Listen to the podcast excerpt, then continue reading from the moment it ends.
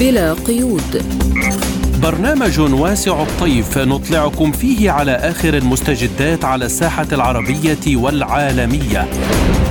حصريا من إذاعة سبوتنيك.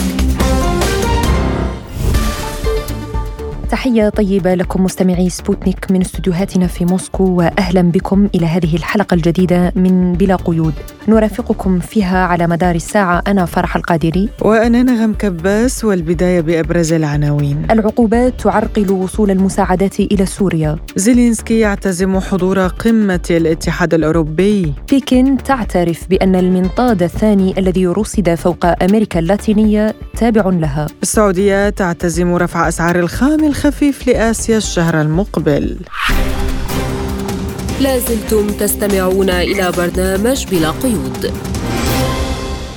ونبدأ التفاصيل بما يحدث في سوريا وتركيا وبعد الكارثة الطبيعية التي حلت بهما إذ ضرب زلزال مدمر وهزات ارتدادية عنيفة البلدين ما أسفر عن آلاف الضحايا والمفقودين والمصابين. تفاصيل ما يحدث في تركيا مع مكسيم دورنيف مدير مكتب سبوتنيك هناك. يزودنا أحد مراسلين في ديار بكر التركية بتفاصيل آثار الزلزال، إذ قال إن هناك شقوقا عديدة في المباني والناس مضطرون إلى العيش في المخيمات التي نظمها المنقذون الأتراك في الشوارع الشوارع وذلك خوفا من حدوث انهيارات جديدة. هناك أيضا شح في الأغذية والمياه والملابس الدافئة. كما أن الظروف الجوية صعبة للغاية لأن درجة الحرارة تصل إلى ثلاثة تحت الصفر. والامطار والثلوج لا تتوقف. يواصل السكان المحليون مساعدة عناصر مؤسسات حالات الطوارئ على إزالة أنقاض الأبنية المدمرة. تم إنقاذ نحو سبعة آلاف وثمانمائة شخص من تحت الأنقاض.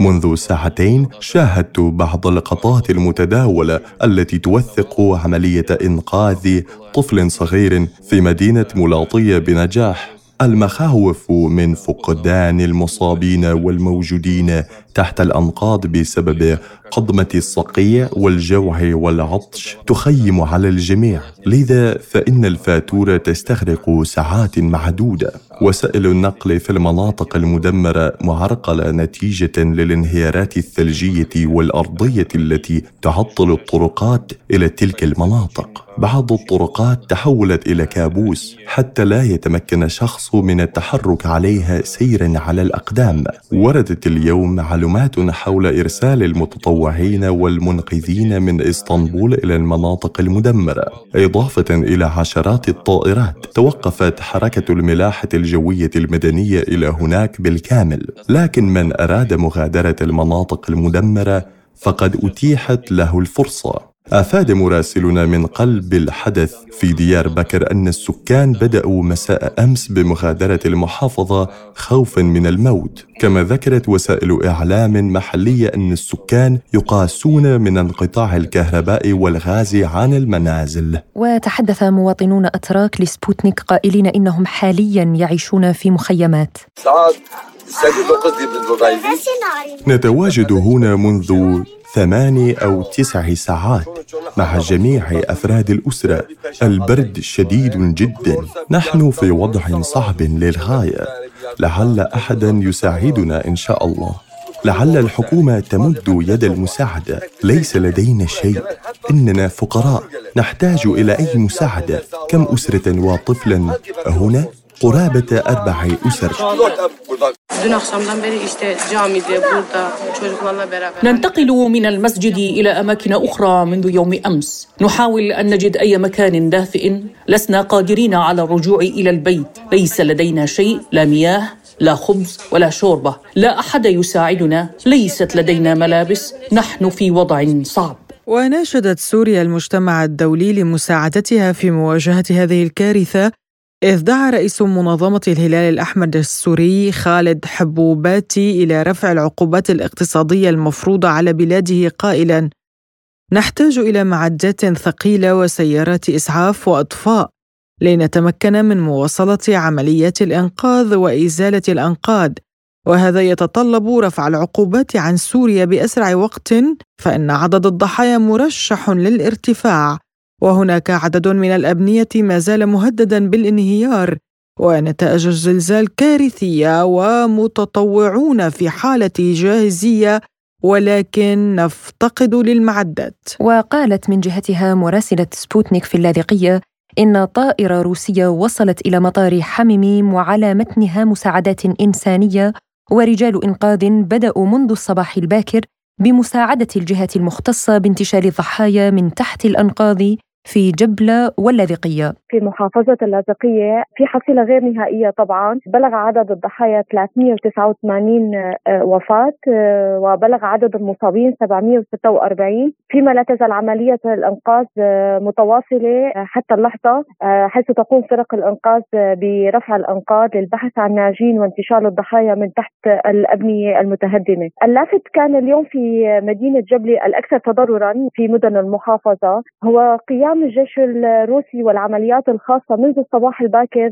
آه، قيامهم بمساعدة فرق الإنقاذ آه، في عمليات آه، رفع الأنقاض البحث عن ناجين. كان لهم دور فعال منذ الصباح في هذه العملية. اللافت أيضا هو الطائرة الروسية التي كان على متنها خبراء روس من المتوقع أن يكون لهم مساهمة فعالة في عمليات البحث والإنقاذ التي تقوم بها الفرق التي تشمل الدوائر الخدمية الموجودة بالمحافظة خاصة أنه من المعروف عن الفرق الروسية أن لهم لديهم خبرة وباع كبير في عمليات الإنقاذ.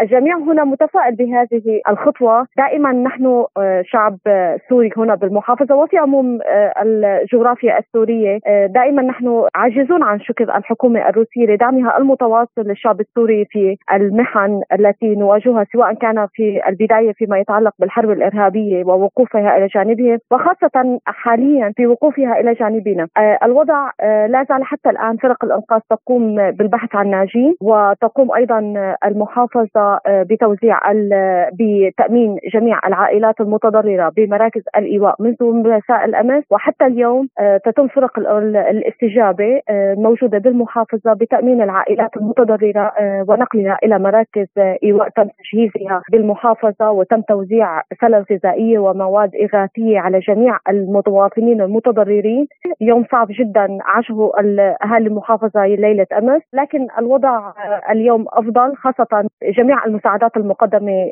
لهم.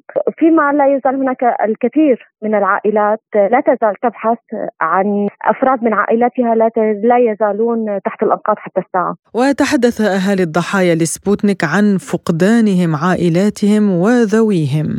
والله يا بنتي فقنا من الصبح بكي شي الساعة أربعة وربع أربعة ونص على الأبواب عم تتحرك والتريا عم ترج وشفنا يعني إنه الحيطان عم تتحرك كثير يلا أنا كنت قاعدة عند بنتي جاي زيارة لعند بنتي ورفقتها عم يدرسوا بالجامعة. يلا مسكت إيد بنتي وقلت لها يلا يا إيمان الحقينا. أنا وطلعنا على الدرج والبناية عم تهز فينا ونحن نصرخ يا يا إيمان الحقينا يا إيمان الحقينا إيمان مثل بنتي هي وبنتي رفقات مثل بنتي. وشلون ركضنا من سادس صابي وشلون صرنا لتحت ما حدا بيدري نحن وصلنا وصلنا على الشارع والعالم. ركضت يا بنتي شو بدي أقول لك؟ ما لحق ايمان راحت. الله يرحمها.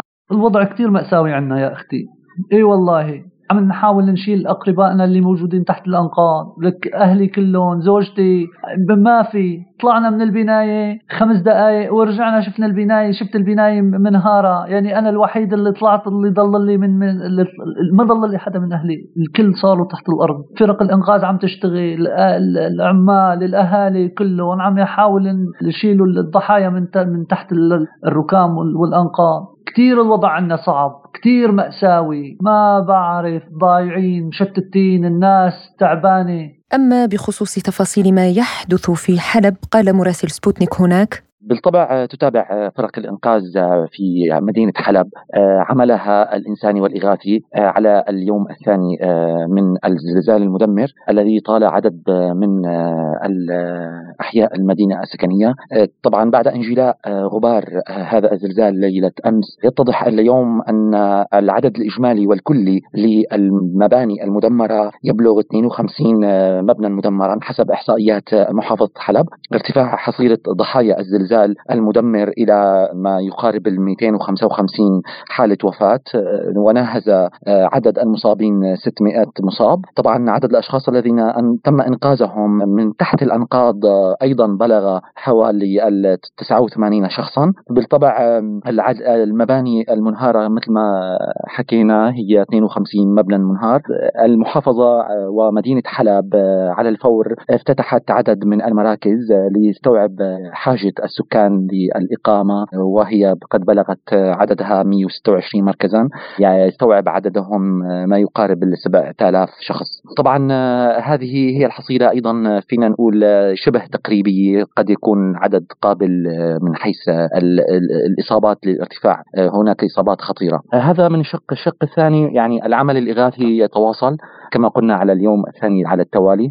هناك وصول لطائرة تونسية لمطار حلب وهناك وصول لعدد من أيضا للمساعدات الروسية المساعدات الإيرانية المساعدات من العراق. هناك توافد أيضا هناك نوع من أنواع الإغاثة أيضا من الأشقاء من الدول العربية الشقيقة والدول أيضا الحليفة.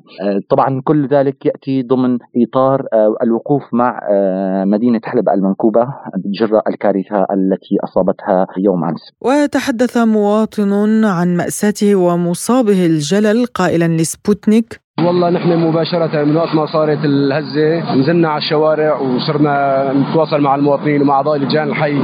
صار أعضاء لجان الحي متوزعة بكل الشوارع يعني كل شوي نتصل فيهم وين في أضرار وين في هذا نتابع ونتصل. خبرنا القطاع خبرنا البلدية خبرنا الشرطة خبرنا شغلة الحزب قياداتنا كلها حطيناها بالصورة. وقت اللي هون جيت لقيتها لسه على طيب جديد خبروني عليها تواجدت فورا اتصلت كمان بالأجهزة المعنية على الفور بادروا فورا استنفار كامل. استنى القصر تابع لارض سابا أرض البديرية تابع لمساكن التربية تابع لمنطقه جامع القصر لحد الآن ما بنحسن نحصي لحد الآن في أولويات يعني. أولوياتنا هي الناس اللي تحت الانقاض عدد عدد المباني لحد الآن ما في يعني. في مثلا إجانا بلاغ عند فرن الأمراء في حوش طابق سادس. منهاره بس ما إجانا بلاغ إنه في هلا في تصدعات بس هي بدها وقت نخلص من هون نروح نتوزع نحن لجان الحي نساوي مع القطاع مع مركز المدينة نسوي جرد لسه لسه لأنه في في كثير براكين في هذا. يعني وين مشينا؟ في براكين متصدعة. حل ما أجانا؟ ما في مشاكل. يعني لحد الآن عم نتواصل مع مواطنين وعم نتواصل مع أعضاء لجان الحي.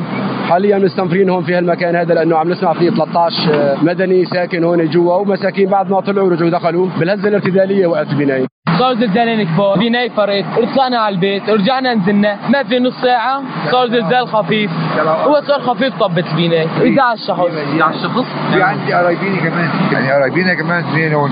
آه، بنت وامنا بس نحن وقت اللي صار السير والعالم رجعت لهون. دخلوا على بيوتهم بالسبعة وخمسة بالضبط. وقت صار الزلزال خفيف طبت البناء يعني طبت فرد شوف هيك. يعني في عالم طلعت وعالم ما راح تطلع. لازلتم تستمعون إلى برنامج بلا قيود. وقامت عدة دول مثل روسيا والجزائر والإمارات والعراق وتونس ولبنان والبحرين وإيران وقطر بإرسال مساعدات فورية وفرق تطوعية للإنقاذ والدعم العاجلين. ولمعرفة ما حدث ينضم إلينا عبر الهاتف من اللاذقية الدكتور في قسم الجيولوجيا بكلية العلوم في جامعة تشرين أحمد بلال. أهلا بك دكتور أحمد في برنامجنا ويعني دعنا نبدأ من هذا الزلزال العنيف. نعلم بأنه لا نستطيع التنبؤ بالزلازل ولكن ما سبب هذه الشدة التي أدت إلى كل هذه الأضرار؟ هل هي متوقعة متوقعة في سوريا؟ يعني في هذه المنطقة أو أنه هو بسبب الشدة التي أتت من تركيا. الزلزال يحدث نتيجة تراكم طاقوي. كتلة صخرية كبيرة تتحرك. هذه الحركة قد تكون ضعيفة أو كبيرة. كلما كانت كبيرة كلما كانت شدة الزلزال شديدة. في المناطق اللي موجودة في سوريا عندنا انهدام كبير مشهور هو الانهدام السوري الكبير الذي يلتقي في تركيا في منطقة أو في نقطة اسمها مرعش. هذا الانهدام في الحالة العادية طبعا أنا عامل دراسات له منشورة ومبارح من يومين ثلاثة يعني شهر شهر وشوي أصدرت كتاب من كامبريدج إلي بتأليفي أنا وحكيت فيه عن الزلزالية في سوريا وفي المنطقة. الزلزالية في سوريا في أشدها لا يمكن أن تتجاوز ست درجات على مقياس رختر بمعنى هذه الشدة حتى لو وصلنا إلى أقصاها لا تؤدي إلى تدمير شديد جدا. إذا كانت الإجراءات المتخذة أثناء الإنشاءات سليمة. نعم دكتور قلت إن شدة الزلزال الذي أصاب سوريا لا تدمر الأبنية. إذا ما السبب في هذه الأضرار الجسيمة التي وقعت في مختلف المحافظات؟ الذي قد يحصل هو أنه لا تتم مراعاة الشروط أثناء إنشاء الأبنية من حيث الحديد التسليح الإسمنت كل هذه الأمور. إذا لعب بها إذا لم تكن مثالية أو قانونية أو بالحد المطلوب فإن ذلك سيؤدي إلى انهدامات حتى لو كانت آه، شدة الزلزال أربعة أو خمسة أو غير ذلك. يعني اليوم أصبح معلوما أن هناك بعض المناطق والمحافظات السورية آه، ربما تتعرض إلى آه، تكرار مثل هذه الفاجعة لا سمح الله وتكرار الهزات والزلازل. ما الإجراءات التي يجب أن تتخذها سوريا في المناطق المهددة بحدوث هكذا هزات وزلازل. عملية التنبؤ عن الزلازل مستحيلة حتى هذا الوقت. طيب ما زال نحن ما فينا نتنبأ عن الزلازل. شو بنعمل؟ بنحاول إنه نقوم بعمليات تخفف من تأثير الزلزال. ما هي هذه العمليات؟ هو الإشادة السليمة للأبنية هي من جهة والاستعداد الدائم في مناطق يتوقع حدوث زلازل فيها لأن نكون جاهزين لمثل هذا الزلزال. توفر الخيام توفر المساكن الخي... السريعة توفر إيصال الأدوية والمعالجات والأطعمة ووسائل النوم. كل هذه يجب أن تتخذ في المناطق المتوقعة. وما عدا ذلك فكله هراء بهراء. طيب يعني الحرب على سوريا وما عانته هذه البلاد والحصار السياسي الذي مستمر إلى اليوم جاءت كارثة طبيعية. كيف برأيك أثرت العقوبات الغربية المفروضة على سوريا على جهوزية البلاد لمواجهة هذه الكارثة المأساوية؟ في قضيتين يجب أن أكون أنا صادق في وجهة نظري، نحن هذه العقوبات تؤثر على حركتنا وإجراءاتنا التي يجب أن نكون مستعدين لها دوما، ولكن ولكن هناك شيء مستمر واني وهناك شيء ناجم عن اساسيات الانشاءات لا منيح ما عم يصير أمور تتعلق بالجسور والسدود و فيزداد الأمر خطورة يجب أن نتأكد من أن شروط الإنشاء متوفرة.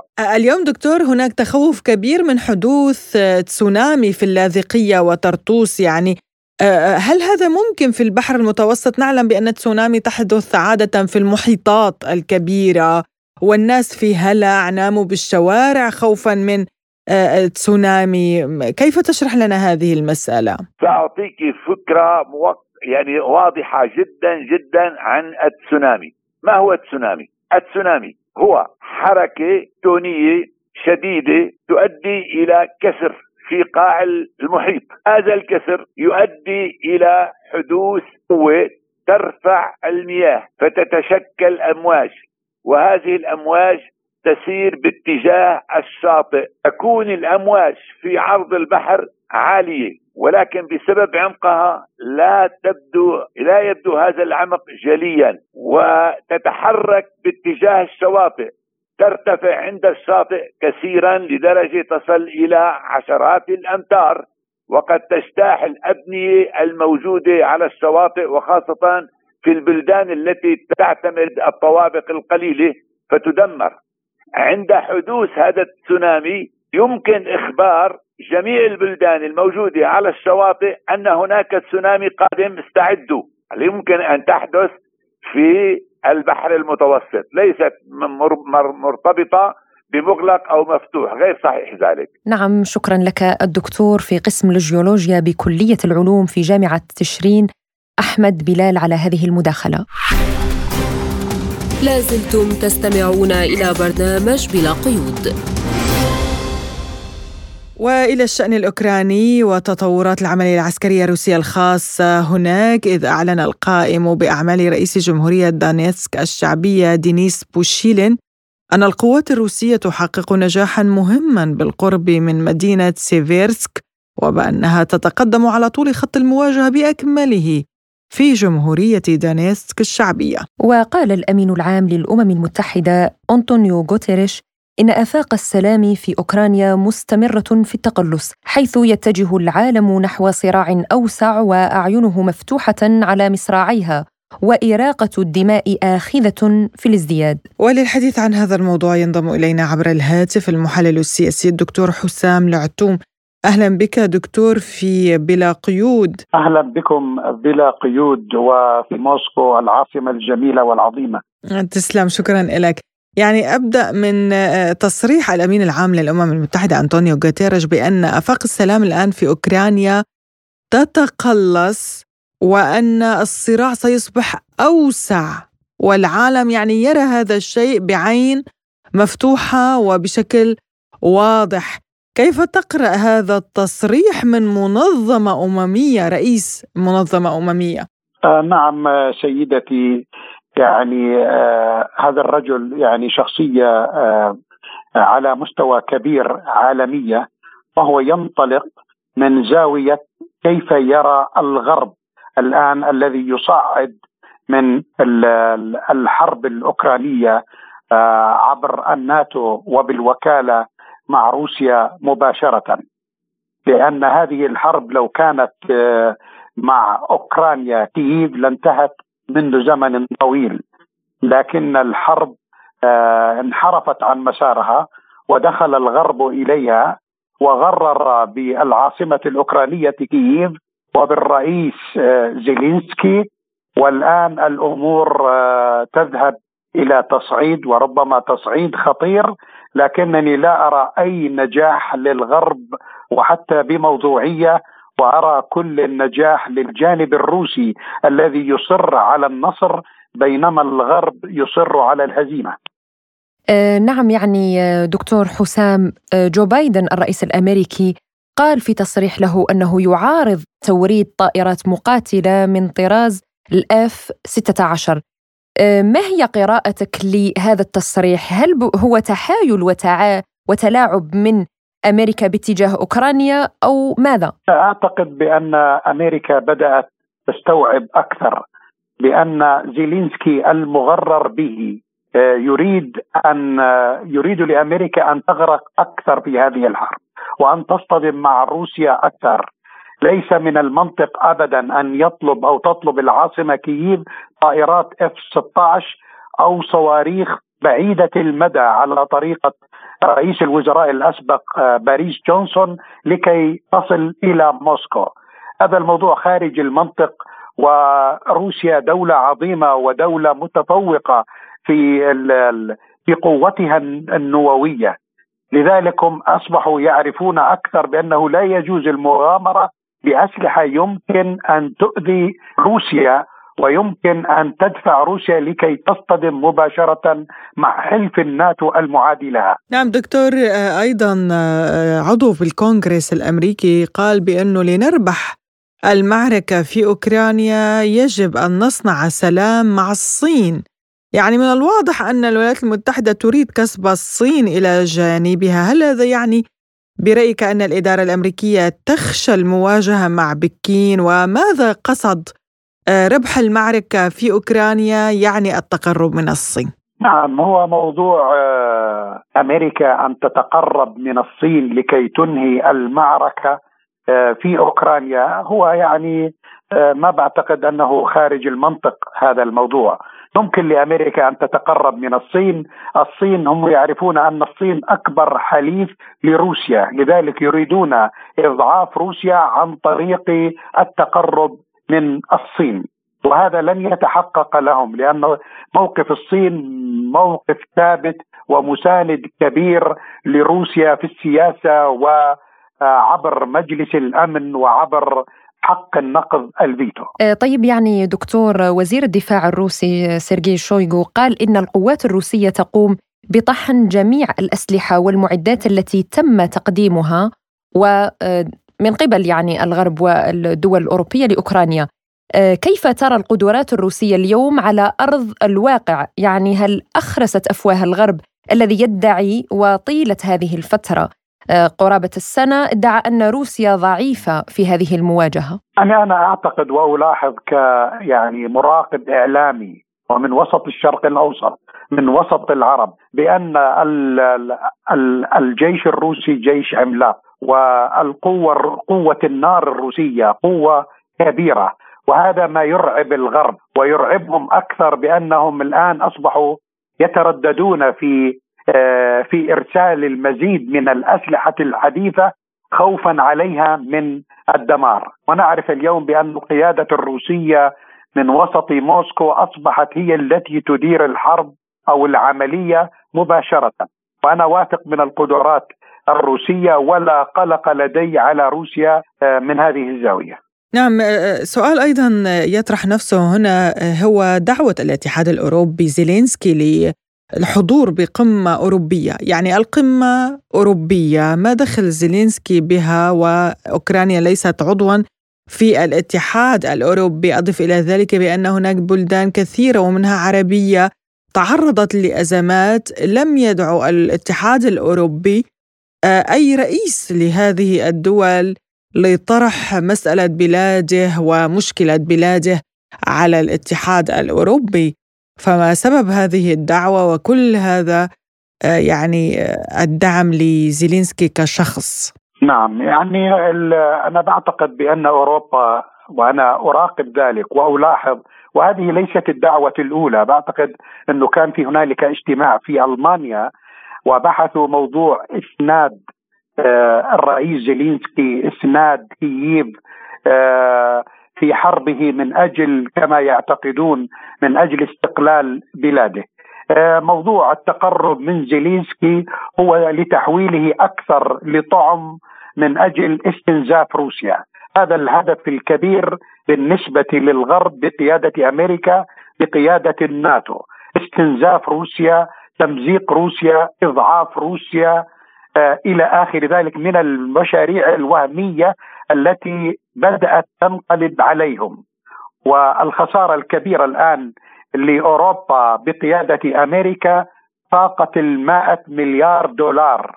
لذلك الاستنزاف هو لهم وليس لروسيا على مستوى الإنتاج الداخلي الغربي الذي تم تفريغه. آه، طيب دكتور يعني قلت 100 مليار دولار رقم ضخم كثيرا يعني آه، كيف ترى آه، هذا واقع هذا وهو واقع, واقع. نعم. رخ وضمن المخططات الأمريكية لإضعاف أيضا الاتحاد الأوروبي كيف ترى حلم زيلينسكي بالانضمام إلى الاتحاد الأوروبي؟ هل من الممكن أن نرى أوكرانيا ضمن الاتحاد الأوروبي بعد هذه القمة الاستثنائية؟ آه لا يعني موضوع آه انضمام كييف العاصمة أكثر من موضوع زيلينسكي للاتحاد الأوروبي لم تعارض عليه روسيا من من البداية حتى من عام 2014 لا توجد معارضة روسية على انضمام أوكرانيا للاتحاد الأوروبي، المعارضة الكبيرة لموضوع انضمام أو محاولة انضمام للناتو، لأن الناتو آه، حلف معادي وهو الذي رفض عام 2000 دخول روسيا إليه، روسيا كانت تتحرك بنوايا طيبة في عام 2000 وبقيادة الرئيس بوتين حتى تضع حدا لسباق التسلح وللحرب الباردة. نعم شكرا جزيلا لك المحلل السياسي الدكتور حسام العتوم كنت معنا عبر الهاتف. شكرا. شكرا لكم. لازلتم تستمعون إلى برنامج بلا قيود. وإلى الصين أين اعترفت الحكومة الصينية بأن المنطاد الذي رصد فوق أمريكا اللاتينية هذا الأسبوع تابع لها وأنها زعمت أنه مخصص لأغراض مدنية ولمراقبة الطقس. وقالت وزارة الخارجية الصينية في بيان إن بعض السياسيين ووسائل الإعلام في الولايات المتحدة استخدموا الحادثة ذريعة لمهاجمة الصين وتشويه صورتها. وشددت على أن الصين لم تنتهك ابدا أراضي ومجال أي دولة ذات سيادة. من جانبه قال المتحدث باسم البنتاغون نحن على علم بتقارير عن منطاد يحلق فوق أمريكا اللاتينيه نعتبر أن الأمر يتعلق بمنطاد تجسس صيني آخر لكن لم يحدد موقعه بدقة. وكانت طائرات عسكرية أمريكية قد أسقطت منطادا مماثلا في المجال الجوي الأمريكي وسط مزاعم بأنه لأغراض التجسس. وفي سؤالنا للمحلل السياسي الصيني نادر رونغ عن قراءته لهذا التصرف الأمريكي والمبالغة في الرد على المنطاد الصيني أعتقد أن هذا يتعلق بالصراع بين الحزبين الجمهوري والديمقراطي في في الولايات المتحدة وهو والجمهوريون يريدون التشديد مع مع العلاقات مع الصين وكذلك يعني هم يريدون أيضا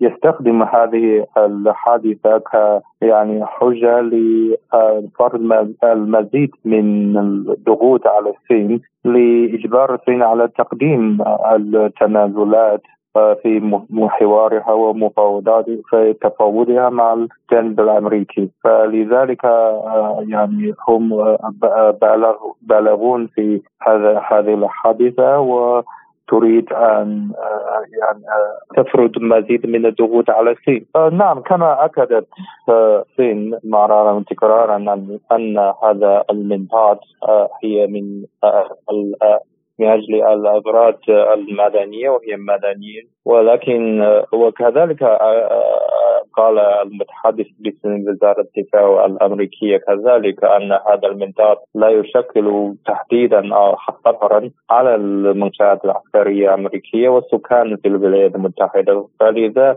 ففي هذه الحالة الولايات المتحدة مصرة على إسقاطها بالقوة فهذا أيضا يمثل يعني يخالف ممارسات الدولية والصين قد أعربت في البداية عن أسفها وبعد هذا هذه بعد إسقاطها أعربت الصين كذلك عن استيائها ومعارضتها لهذه الأعمال. أما بخصوص هل يمكن اعتبار هذا الإجراء الأمريكي إشارة تحذير لروسيا أيضا؟ يقول نادي رونغ لي بلا قيود. أعتقد هذه هذا الإجراء يعني يعتبر أيضا كأنه المبالغة بهذا الأمر هو أيضا يظهر النية العدائيه من من قبل الولايات المتحدة تجاه تجاه الصين وروسيا كذلك.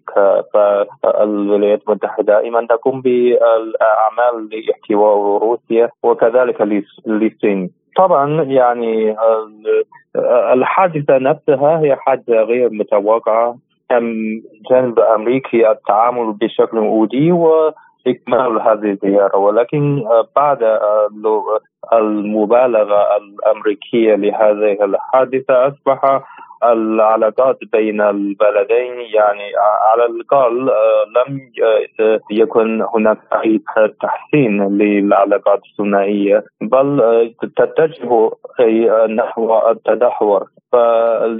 ولكن كل هذا يعني بسبب تصرفات أمريكية ثم هذه العلاقات إذا كان هناك تحسين فيجب اولا على الولايات المتحده إظهار نية الصداقه ونية حسنيه لتحسين هذه العلاقات وليس بالأعمال العدائية. استمعنا إلى المحلل السياسي الصيني نادر رونغ. لازلتم تستمعون إلى برنامج بلا قيود ومن السياسة إلى الاقتصاد حيث تعتزم السعودية رفع أسعار الخام الخفيف لآسيا الشهر المقبل حسب ما أفادت وسائل إعلام أمريكية. ووفقا لها اتخذت شركة أرامكو قرارا برفع أسعار البيع الرسمية للخام العربي الخفيف إلى آسيا بمقدار 20 سنتا امريكيا لتصل إلى دولارين للبرميل فوق متوسط أسعار المنطقة. ولمناقشة هذا الموضوع ينضم إلينا عبر الهاتف المحلل الاقتصادي عمر الحلبوسي. أهلا بك سيد عمر في بلا قيود.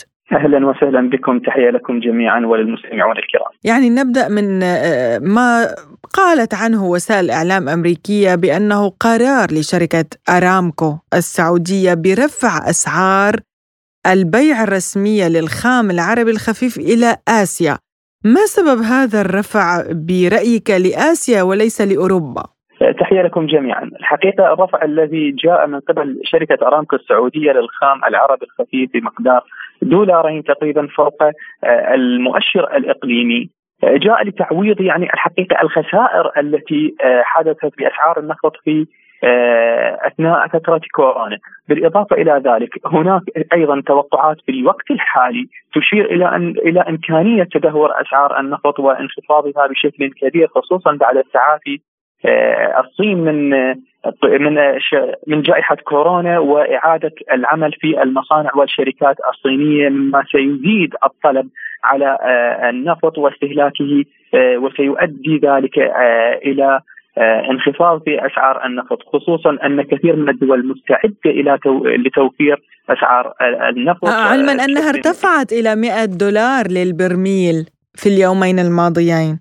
نعم هذا الارتفاع جاء حقيقة لبعض المؤشرات ولبعض التوترات حقيقة السياسية والاقتصادية.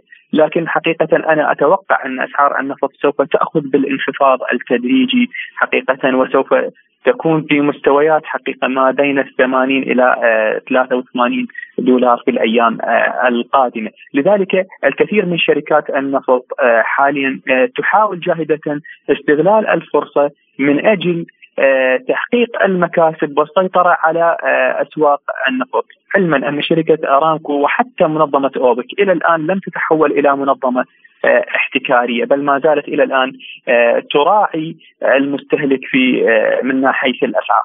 نعم أستاذ عمر يعني هل هذا القرار من مصلحة السعودية أم أنه ضغط أجنبي خارجي لاتخاذ مثل هذا القرار في في هذا التوقيت؟ الحقيقة أن المملكة العربية السعودية بلد ذو سيادة ويستطيع أن يأخذ قراراته بشكل مستقل ولكن قد تكون هناك بعض الاتفاقات والتفاهمات مع الدول الأخرى من أجل رفع أسعار النفط خصوصا أن هناك مساعٍ أمريكية لتحديد سقف سعري جديد للنفط الروسي وهذا قد يشكل ضغطا اخرا على أسعار النفط صعودا حقيقة وليست انخفاضا، لذلك أنا أرى أن هذا القرار حقيقة جاء بهذا الوقت وهو كان قرارا مفاجئا حقيقة دون أي آه، أي إجراءات استباقية.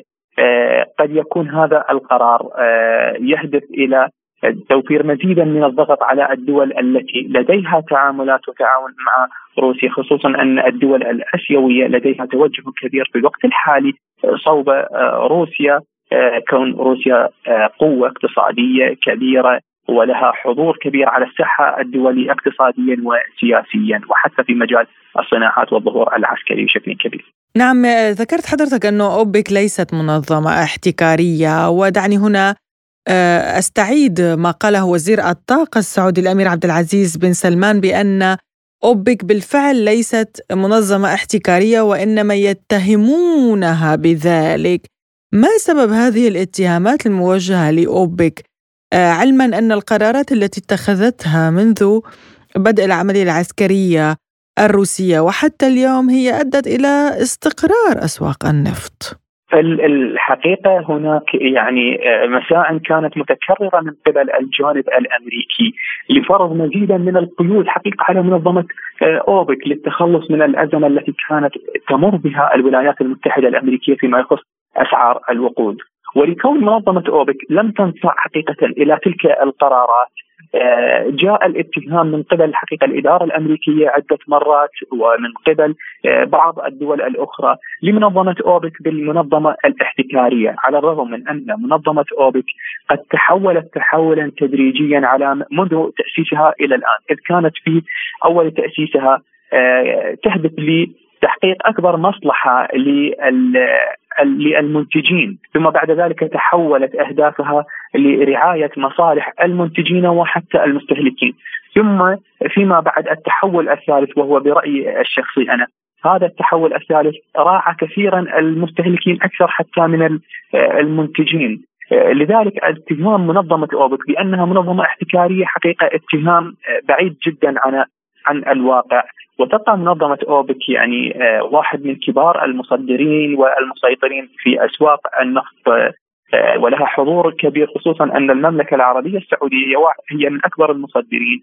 وتبيع نحو 60% من شحنات الخام إلى آسيا بموجب عقود طويلة الأجل، لذلك الحضور السعودي حقيقة من خلال منظمة أوبك حضور كبير وفعال على مستوى العالم في انتاج النفط ولذلك تبقى كثير من المؤشرات على تصريحات الإدارة الأمريكية باتهامها منظمة أوبك بالإحتكارية والهدف منه هو استهداف المملكة العربية السعودية خصوصا أن أمريكا كانت لديها مساع لاستغلال أحداث الحادي عشر من سبتمبر للضغط على المملكة العربية السعودية لارغاقها لتقديم تعويضات أو لتخفيض أسعار النفط. آه نعم يعني كما تعلمون روسيا أكبر مورد للخام للصين لكل من الصين والهند وهناك تقارب في العلاقات في خاصة في مجال النفط الآن بين روسيا والسعودية، ما مدى تأثير هذا القرار برفع أسعار الخام الخفيف لآسيا على كلا الجانبين في ظل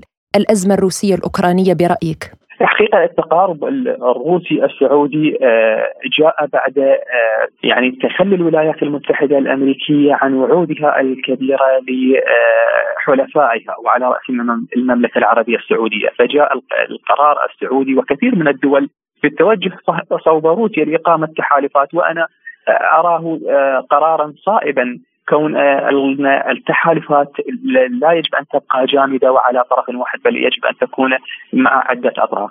هذا القرار الذي جاء من قبل المملكة العربية السعودية سيكون له بعض التأثيرات حقيقه. قد تنخفض مبيعات المملكة العربية السعودية بالوقت الحالي ولكنه وإن انخفضت لن يؤثر ذلك على مزيد على السعودية كونها تمتلك عقودا طويلة الأجل بالإضافة إلى ذلك الارتفاع سوف يعوض هذا الانخفاض. فضلا عن ذلك أن الجانب الروسي سيكون حضوره أكثر وقد تتجه بعض الدول لزيادة شرائها من الخام الروسي خصوصا أن روسيا توفر الخام بدرجة عالية بالاضافه إلى ذلك بكميات كبيرة. وباسعار يعني مناسبة لهذه الدول. وخصوصا هناك تقارب كبير جدا وتوجه من عدد كبير من دول آسيا على روسيا. بالإضافة إلى ذلك الضغط الكبير الذي تشهده اليوم كثير من أسواق النفط هو بسبب دخول روسيا إلى أوكرانيا، هذا الذي أثار حفيظة الولايات المتحدة ودول الاتحاد الأوروبي لمحاولة إيقاف روسيا خوفا على مصالحها. ولكن دكتور اليوم يتم يعني تحديد سقف لأسعار النفط الروسي وتخفيضه إلى 60 دولارا للبرميل. اليوم أيضا وزير الطاقة السعودي يقول بأنه هذه العقوبات على دولة عظمى في توريد النفط كروسيا سيضر بالأسواق العالمية سيؤثر على الطلب. كيف يمكن أن تقوم منظمة أوبك والسعودية بإجراءات لحماية السوق؟ اولا تخفيض السعر النفط الروسي إلى 60 دولارا هو لمحاولة يعني التاثير على الاقتصاد الروسي. كون روسيا تمتلك يعني حضورا في إنتاج النفط وعلاقات كبيرة جدا. هذا جانب. الجانب الآخر حقيقة اليوم أغلب الدول سواء كانت أوبك أو حتى السعودية منفردة الجميع غير مستعد لإشغال مكان روسيا. لنكن واقعيين النفط الروسي والصناعة الروسية في مجال النفط لا أحد مستعد لإشغال لإشغالها في الوقت الحالي وتوفير المنتج بشكل كبير. لذلك إذا حدد سعر للنفط الروسي واتخذت روسيا قرارات بتخفيض المنتج هنا سوف تتضرر الكثير من الدول وعلى رأسها الولايات المتحدة المتحدة الأمريكية ودول أخرى. آه، أنا باعتقادي سوف في النهاية تنصاع الولايات المتحدة الأمريكية ودول الاتحاد الأوروبي لإيقاف تحديد السعر السقف السعري للنفط الروسي آه، كونه سوف يضرها كثيرا خصوصا أن روسيا بإمكانها أن تناور بشكل كبير في ورقة الغاز وهو ما يؤثر على دول أوروبا وسوف تنصاع في النهاية إلى القرارات الروسية.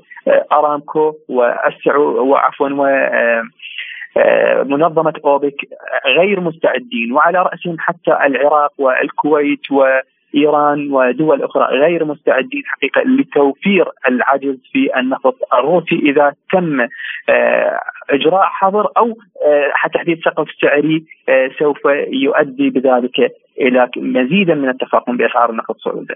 نعم يعني في سؤال أخير برأيك هل تستطيع الدول المسيطرة على مجال النفط والطاقة مواجهة هذه الأزمة أزمة الطاقة العالمية ولا سيما أن هناك دول عربية تعاني من مخلفات أزمة الطاقة؟ الحقيقة اليوم أزمة الطاقة هي أزمة كبيرة تعصف في كثير من آه، دول العالم. آه، خصوصا آه، دول أوروبا ودول عربية بما فيها العراق وغيره. أنا أرى بأنه لا يمكن الاستغناء عن الحضور الروسي في مجال الطاقة. كون روسيا تمتلك كثير من المصادر وتمتلك حضور كبير و تألق في مجال آه، صناعة الطاقة. وهناك والسيد سيرجي لافروف كان في زيارة للعراق حول أيضا التعاون مع العراق وروسيا بمجال الطاقة. نعم. لذلك أنا أرى أن آه، كثير من الدول العربية سوف تتجه نحو روسيا بما فيها العراق سيكون توجهه كبيرا صوب روسيا مما قد آه، سيثير حفيظة الولايات المتحدة الأمريكية. أزمة الطاقة اليوم أزمة كبيرة. لا يمكن لأمريكا ولا يمكن لدول الاتحاد الأوروبي أن تنفرد بتوفير كل هذه المصادر. دون حضورا روسيا لأن روسيا وجودها له أثر إيجابي كبير وانسحابها آه، من سوق الطاقة سوف يؤثر ويدخل العالم بأزمة كبيرة جدا سوف يكون المتضرر الكبير منها آه، دول كثيرة. اتحاد اوروبي آه، دول أفريقية ودول عربية أخرى آسيوية وحتى دول آسيا الأخرى. نعم. نعم شكرا لك المحلل الاقتصادي الأستاذ عمر الحلبوسي على هذه المداخلة. شكرا لكم. تحياتي لكم. لازلتم تستمعون إلى برنامج بلا قيود. وإلى لبنان وفي ظل الانهيار المالي الذي تعيشه البلاد أعلنت جمعية مصارف لبنان أن البنوك ستبدأ اضرابا مفتوحا اعتبارا من يوم الثلاثاء لكن مع استمرار عمل ماكينات الصرف الآلي لتقديم الخدمات الأساسية. وقالت الجمعية أن القرار جاء بعد اجتماع الجمعية لمناقشة الاستدعاءات القضائية الأخيرة وتأثيرها على انتظام العمل المصرفي وحقوق المودعين. وطالبت الجمعية من السلطات اللبنانية تمرير قانون ال capital control الذي يضع الضوابط على السحوبات والتحويلات إلى الخارج إلى جانب قانون إعادة هيكلة المصارف. ولمناقشة هذا الموضوع أكثر نستضيف معنا من لبنان الخبير الاقتصادي الأستاذ جورج قرم. أهلا وسهلا بك أستاذ جورج في بلا قيود ونبدأ من تداعيات هذا الإضراب على الوضع الاقتصادي السيء أصلا في لبنان. هذا بالارجح يعني عودتنا جمعية مصارف لبنان آه، منذ سنتين أو ثلاث سنين آه، على وضع اليد على أرزاق الناس آه، من الودائع المصرفية ومما سبب طبعا معاناة كبيرة. معظم اللبنانيين هي بالحقيقة يعني تصرف آه، أكاد أقول آه، شنيع يعني الوضع اليوم بلبنان أستاذ جورج تغير كثيرا لسيما بعد 2019 وإلى اليوم.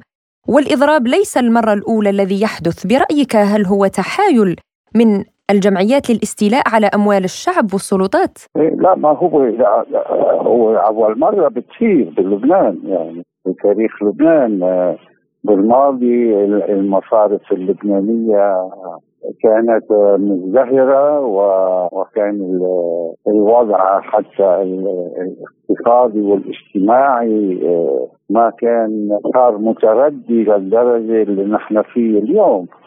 هذا سوء الوضع ولا نسمع الدول التي تدعي الدفاع عن الديمقراطية والحريات لا نسمع كلمة إدانة وتصرف مجموعة المصارف اللبنانية. يعني لبنان يعيش حالة انهيار اقتصادي تزداد سوءا يوما.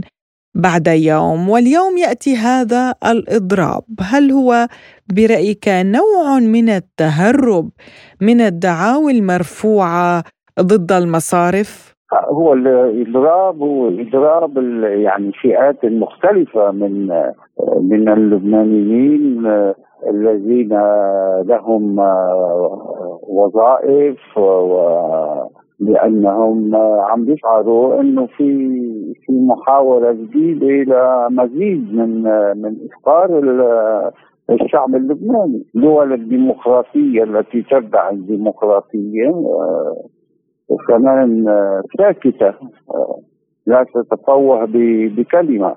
والآن عندنا أيضا يعني عندنا أيضا ظاهرة قضاة فرنسيين جايين إلى لبنان لمساعدة القضاة اللبنانيين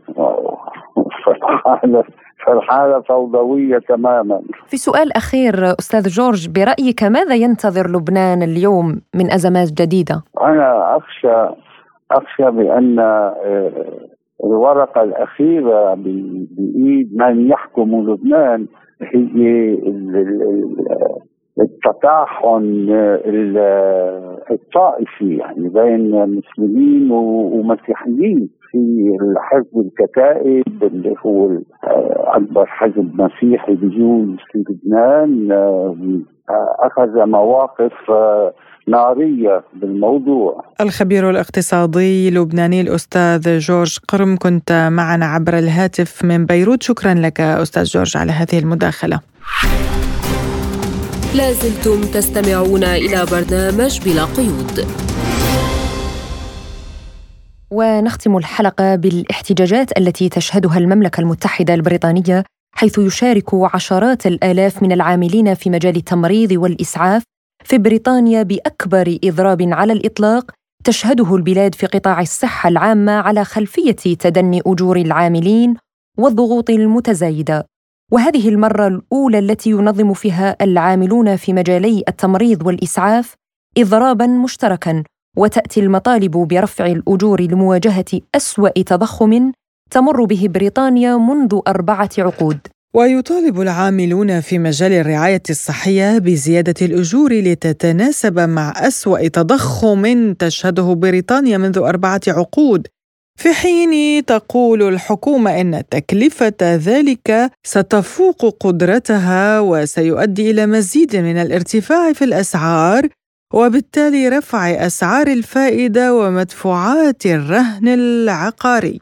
وشارك العاملون في التمريض والإسعاف في إضرابات منفصلة منذ أواخر العام الماضي لكن هذا الإضراب تحديدا الذي يشارك فيه العاملون من المجالين ومعظمهم في إنجلترا سيمثل أكبر إضراب في تاريخ جهاز الصحة العامة الذي بدأ عمله قبل 75 عاما وحث وزير الصحة ستيف باركلي الناس على الاستمرار في الوصول إلى خدمات الطوارئ والالتزام بالمواعيد ما لم يتم إلغاؤها، لكنه أكد أنه سيكون هناك خلل. وقال ستيفن بويس المدير الطبي لجهاز الصحة العامة في إنجلترا إن الإضراب هذا الأسبوع والذي سيشهد أيضا مشاركة أخصائيين في العلاج الطبيعي يوم الخميس المقبل سيكون على الأرجح الأكبر تأثيرا على الخدمات حتى الآن. ونظم نحو 500 ألف عامل وموظف كثير منهم من القطاع العام إضرابات منذ الصيف الماضي.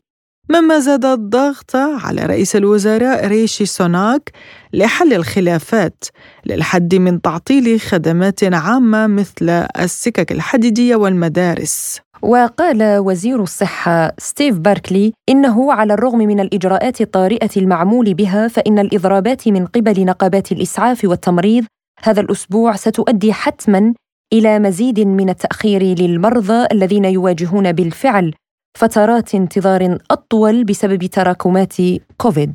بدورها قالت الزعيمة النقابية شارون جراهام لإحدى القنوات البريطانية إنها تريد أن يأتي سوناك إلى طاولة المفاوضات وأن هذه الحكومة تعرض الأرواح للخطر. أه، هنا نشير مستمعينا الكرام إلى أن جهاز الصحة العامة يعتبر تاريخيا مصدر فخر لمعظم البريطانيين ولكنه اليوم يواجه ضغوطا شديدة مع وجود ملايين المرضى على قوائم الانتظار للعمليات وعدم حصول الآلاف كل شهر على رعاية الطوارئ العاجلة. أعتقد أن السبب يا فرح يعود إلى ضعف الرواتب على مدى عشر سنوات تأتي أيضا العقوبات ضد روسيا وما يحدث في أوكرانيا ترك عشرات الآلاف من هذه المهنة أكثر من 25 ألف شخص في نقص حاد بالموظفين بالرعاية الطبية بالرواتب المتدنية والتضخم نعم. الحاصل حاليا يعني التضخم الاقتصادي وكذلك يعني يدفع ثمن هذا البلبلة السياسية والأهداف الاقتصادية لبريطانيا وأمريكا من وراء آه، يعني آه، فرض عقوبات على روسيا ثمنها المريض المعلق يعني بأمل آه، أخذه العلاج في المصحة وفي قطاع الصحة.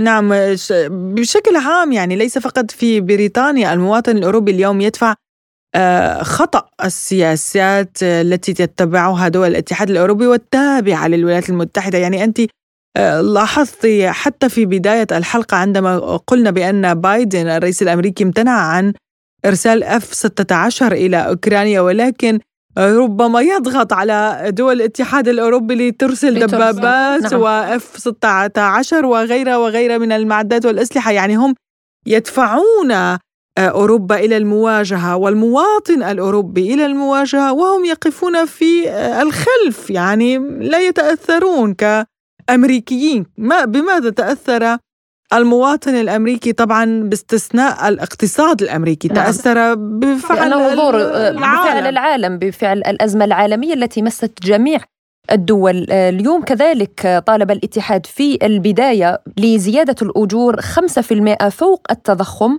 وقال بعد ذلك إنه قد يلتقي بالحكومة في منتصف الطريق لكن كلا الجانبين أخفق في التوصل إلى اتفاق على الرغم من أسابيع من المحادثات.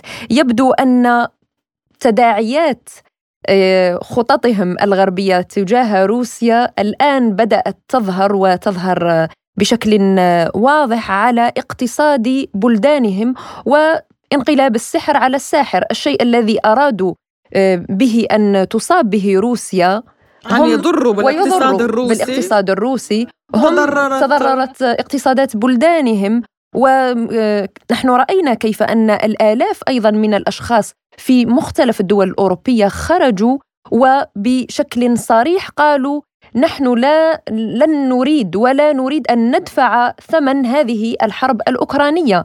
آه، هم آه، يعني آه، في عدة دول اوروبيه في عدة دول ليس أوروبية فقط نعم. في بريطانيا. وحتى أنه اليوم من المتوقع أن يضاف إلى هذا العدد الهائل من المحتجين آلاف العمال في الإسعاف أيضا خلال الأسبوع. وهذا يعني أن الاحتجاجات ستزداد وتزداد كيف ستتصرف الحكومة البريطانية؟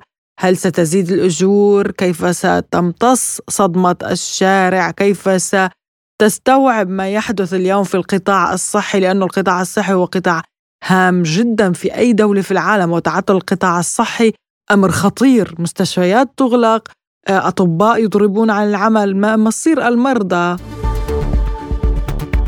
وبهذا الملف نصل وإياكم مستمعينا الكرام إلى ختام حلقة اليوم من برنامج بلا قيود. قدمناه لكم أنا فرح القادري. وأنا نغم كباس وللمزيد من المتابعة زوروا موقعنا الإلكتروني سبوتنيك دوت إي إي. وأيضا قناتنا على تليجرام. إلى اللقاء.